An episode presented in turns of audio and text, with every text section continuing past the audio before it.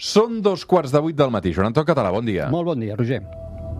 3, 2, 1, seganya!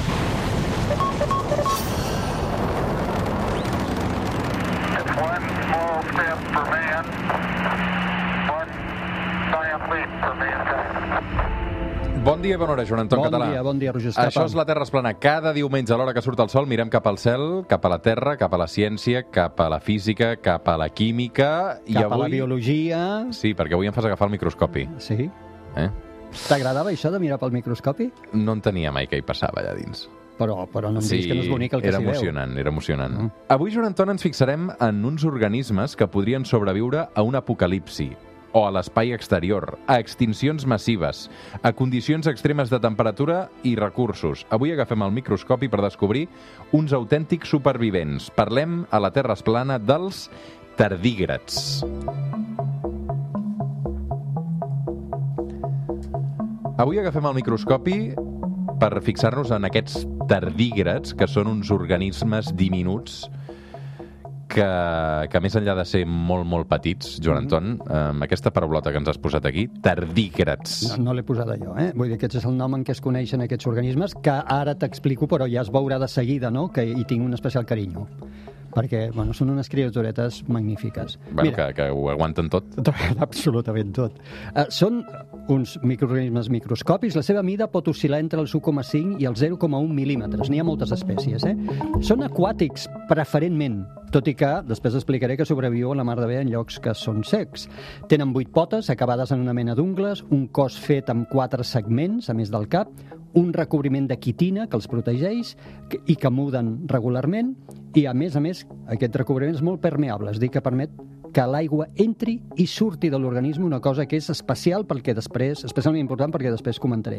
Et deia, se'n coneixen unes 1.150 espècies diferents i informalment els tardígrads se'ls coneix com ossets d'aigua, perquè això, si algú, si vas i mires una fotografia seva al microscopi, és que són maquíssims, són ossets d'aigua. Formen part d'un extens grup eh, de microorganismes que hem anomenat extremòfils i que algun cop n'hem parlat aquí al programa. Són organismes que poden viure en condicions extremes, com el nom eh, diu, però a diferència de molts altres extremòfils que només viuen en aquestes condicions extremes, els tardígrads són capaços també de trobar-se un munt de llocs, també als nostres jardins eh, i a, a prop de casa nostra. El seu lloc preferit serien llocs humits, on hi ha líquens i molses, que és del que s'alimenten. De fet, necessiten l'aigua, com qualsevol altre organisme eh, viu del planeta, però eh, també el necessiten per recobrir-se d'una fina per, eh, pel·lícula que els protegeix. Però, a banda, com et deia, viuen pràcticament a tot arreu. Se'ls ha trobat en llocs sequíssims, dunes, a deserts, exposats al sol. També viuen tant en aigua dolça com salada.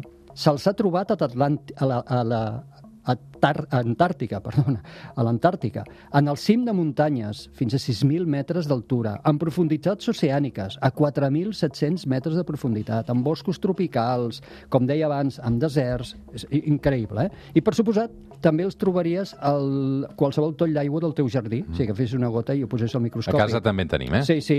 Uh, es diu que, per exemple, una mostra d'aigua d'un toll normal i uh, que hi hagi vegetació i podria trobar podries trobar fins a 25.000 tardígrads per litre.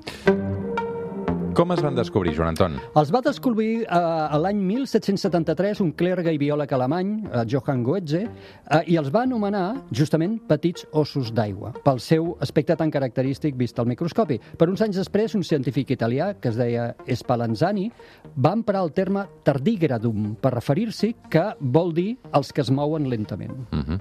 I com s'ho fan per, per sobreviure a tot Ah, això que explicàvem? Aquí són uns veritables campions, ho dèiem, de la supervivència. De fet, alguns consideren que són els éssers vius més resistents a condicions extremes. Per exemple, mira, són capaços de viure fins a 30 anys sense aigua ni aliment. Què et sembla? 30 anys sense ni beure ni menjar. Poden viure en condicions de temperatura impossibles, per nosaltres, impossibles. Mm. Per exemple, amb els nostres laboratoris s'han sobreviscut a temperatures per sota dels 200 negatius i a l'espai han sobreviscut als menys 272 graus.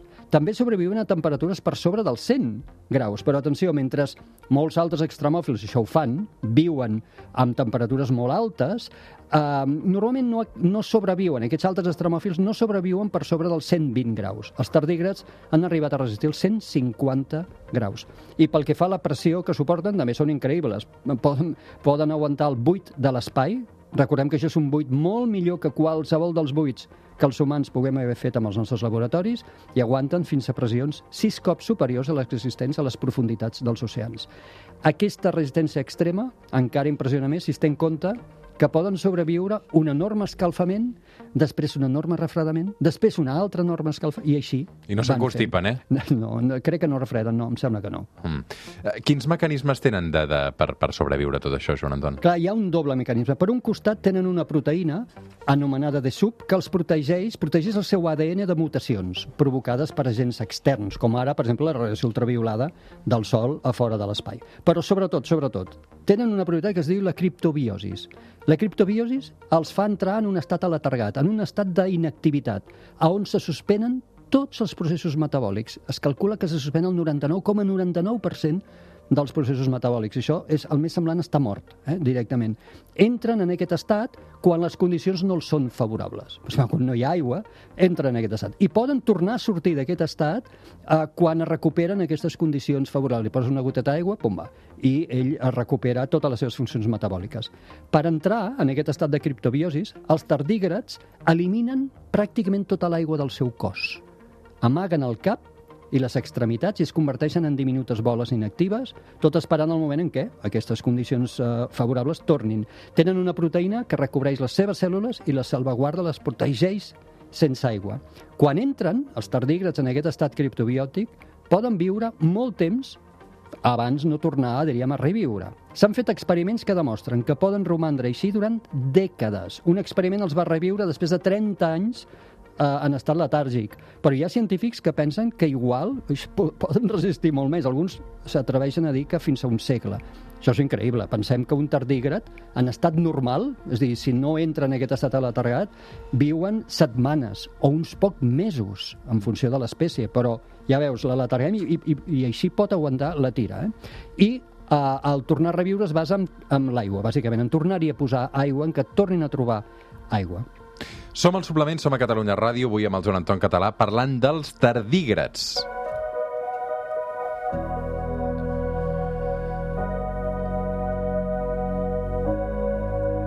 Escolta'm, Joan Anton, ara que hem entrat al microscopi i estem mm. descobrint aquests autèntics supervivents, eh, han sobreviscut a les cinc extincions massives, eh? Sí, sí. Mira, uh, es calcula que habiten la Terra de fa més de 600 milions d'anys. Agafem una mica de perspectiva, eh? Els homínids portem 7 milions d'anys en aquest planeta i l'Homo sapiens porta posem 300.000 anys. Aquests porten 600 milions d'anys. Superen fins i tot els dinosaures. Han sobreviscut, com deies ara, les cinc grans extincions massives que ha conegut la Terra. Es va fer un estudi l'any 2017 que analitzava què passaria en esdeveniments cataclísmics, com per exemple seria l'explosió d'una supernova pròxima o, o l'impacte d'un gran asteroide contra la Terra, un d'allò, no miris amunt, no? Uh -huh. Esdeveniments que farien, eliminarien els humans, segurament, de la Terra. Doncs l'estudi va concloure que els tardí, tardígrads sobreviurien en aquests esdeveniments. Uns campions de la supervivència. I, I podrien sobreviure, per exemple, viatjant en un meteorit? Ah, aquesta és una gran pregunta perquè, ah, no ho sabem, s'han fet estudis Uh, disparant, pobrets, disparant tardígrads en estat letàrgic, és a dir, primer els centrem en estat letàrgic i després els disparem en un canó a diferents eh, velocitats per veure si sobreviuen a l'impacte. Aquests estudis han conclòs que poden sobreviure en un impacte a quasi 3.000 quilòmetres per hora. És que és, és una cosa increïble. Tot i això, Uh, en molts casos d'impactes de meteorits, les pressions que es generen quan senta l'atmosfera són superiors a les que, en teoria, els tardígrads podrien resistir. Així que, potser la resposta a la teva pregunta seria creiem que no podrien viatjar en un meteorit i sobreviure a l'entrada a l'atmosfera de la Terra i l'impacte a Terra, però no ho tenim tampoc molt clar. Mm.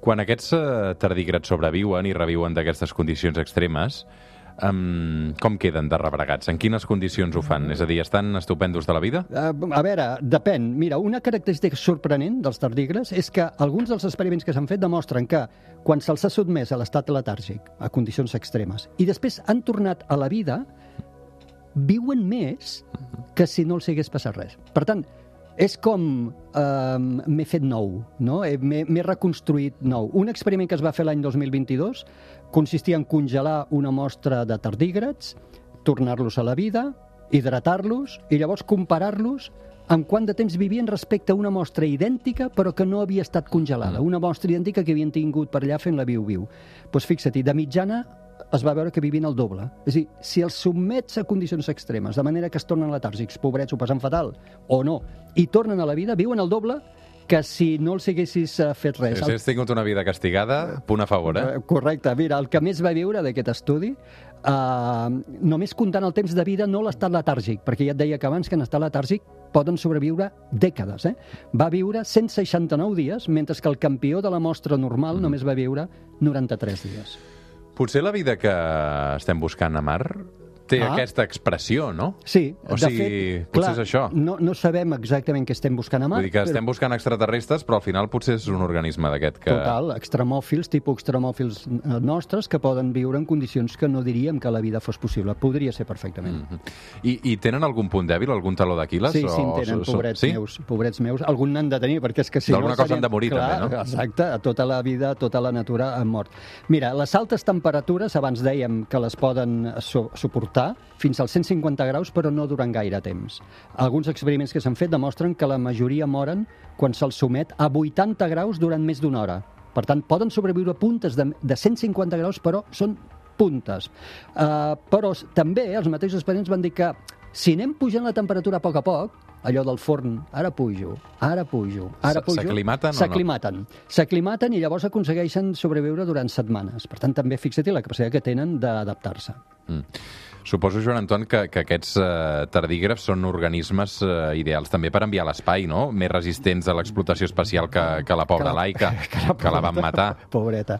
Uh, aquests són els fabulosos, fantàstics, perfectes astronautes. Tardígrads són els perfectes astronautes. Com que acabem de comentar les propietats aquestes, que els fan i sobreviure en condicions extremes de l'espai, doncs ho poden fer. Mira, uh, en estat de mort catatònic, aquest estat que dèiem, no?, de letàrgic, poden, podrien, suposem, sobreviure durant segles sense menjar ni aliment, ni, Mhm. ni, ni beure, ni respirar. Eh? Resistents a temperatures extremes, al buit de l'espai, a la radiació. L'any 2007, l'Agència Espacial Europea va enviar 3.000 tardígrads en una missió que s'anomenava la Photon M3 en òrbita de la Terra. Els animalons varen ser sotmesos directament a les condicions de l'espai. És a dir, els van treure de la nau i els van deixar a fora. Eh? Radiació de l'espai, les baixíssimes temperatures extremes, quan no hi toca el sol, i al contrari, quan hi toca el sol, temperatures altíssimes, el buit de l'espai... Bueno, no els va afectar gaire. Estaven força contents. Quan van tornar a entrar dins de la nau, quasi el 70% dels tardígrads van retornar a la vida com si no hagués passat res. Mm. Fixa't-hi. És, Estupendo. És una cosa... Abans et preguntava per mar i, i quina forma de vida ens trobaríem allà. Ah. No sé si podrien existir aquests tardígrads eh, en altres punts de l'univers, com per exemple a la Lluna, potser que la tenim més a prop. No, a la Lluna s'ha parlat molt d'això. Mira, a la, la Lluna sabem que és un, un objecte mort des del punt de vista biològic, això ho hem certificat molts cops, però no podem descartar que hi haguem dut tardígrads i que aquests hagin sobreviscut. Mira, això va ser l'any 2019, una nau israelia, israeliana, que es deia Bereshit, era el primer cop que s'intentava un allunyatge per part d'una missió privada i va fracassar. Eh? Es va estavellar contra la superfície de la Lluna. Aquesta nau, entre moltes altres coses, duia milers de tardígrads. Els duia en aquest estat letàrgic, eh, deshidratats, i quan es va estavellar, de seguida es va començar a discutir. Escolta'm, què els haurà passat en aquests tardígrads? Perquè primera, si són capaços de sobreviure a aquestes enormes pressions, les grans temperatures, podria, i, i després a l'estat aquest deshidratat, sense aigua ni aliment, podrien haver sobreviscut en aquest accident uh, i trobar-se a la superfície de, mar, de la Lluna, allà on, on es va estavellar la, la nau aquesta, trobar-se allà en forma de, es- diríem, de letàrgic, i, i, i encara més. I, I si arribés aigua allà? I si un asteroide o un cometa impacta i porta gel d'aigua? Amb el contacte amb el gel d'aigua podrien reviure? Gran pregunta, eh? Pensem que no, pensem que no, però no podem descartar que contaminéssim en aquell moment la Lluna amb aquests uh, microorganismes que potser estarien en allà ara saludant-nos. bueno, segurament han estat letàrgics, no ens saludarien, però que estarien esperant, potser, el seu moment per sobreviure. No em diguis que no és fascinant, Sí, això dels tardígrads. Avui amb el Joan Anton Català un capítol dedicat als tardígrads. Són els organismes més resistents que tenim a la Terra? Alguns biòlegs pensen que sí. Quan em vaig documentar per fer la secció, vaig eh, mirar això, estudis que s'han fet i alguns científics pensen o bé que són els més resistents o, sens dubte, estan dins del grup dels organismes més resistents que coneixem. Sí, Mhm. sí. Doncs eh, avui aquesta història vinculada als tardígrads. Joan Anton Català, moltes, moltes gràcies. Gràcies a tu. Eh, parlem d'aquí una estona i mirem també com tenim el cel aquests dies. Molt bé. Ara tornem al suplement.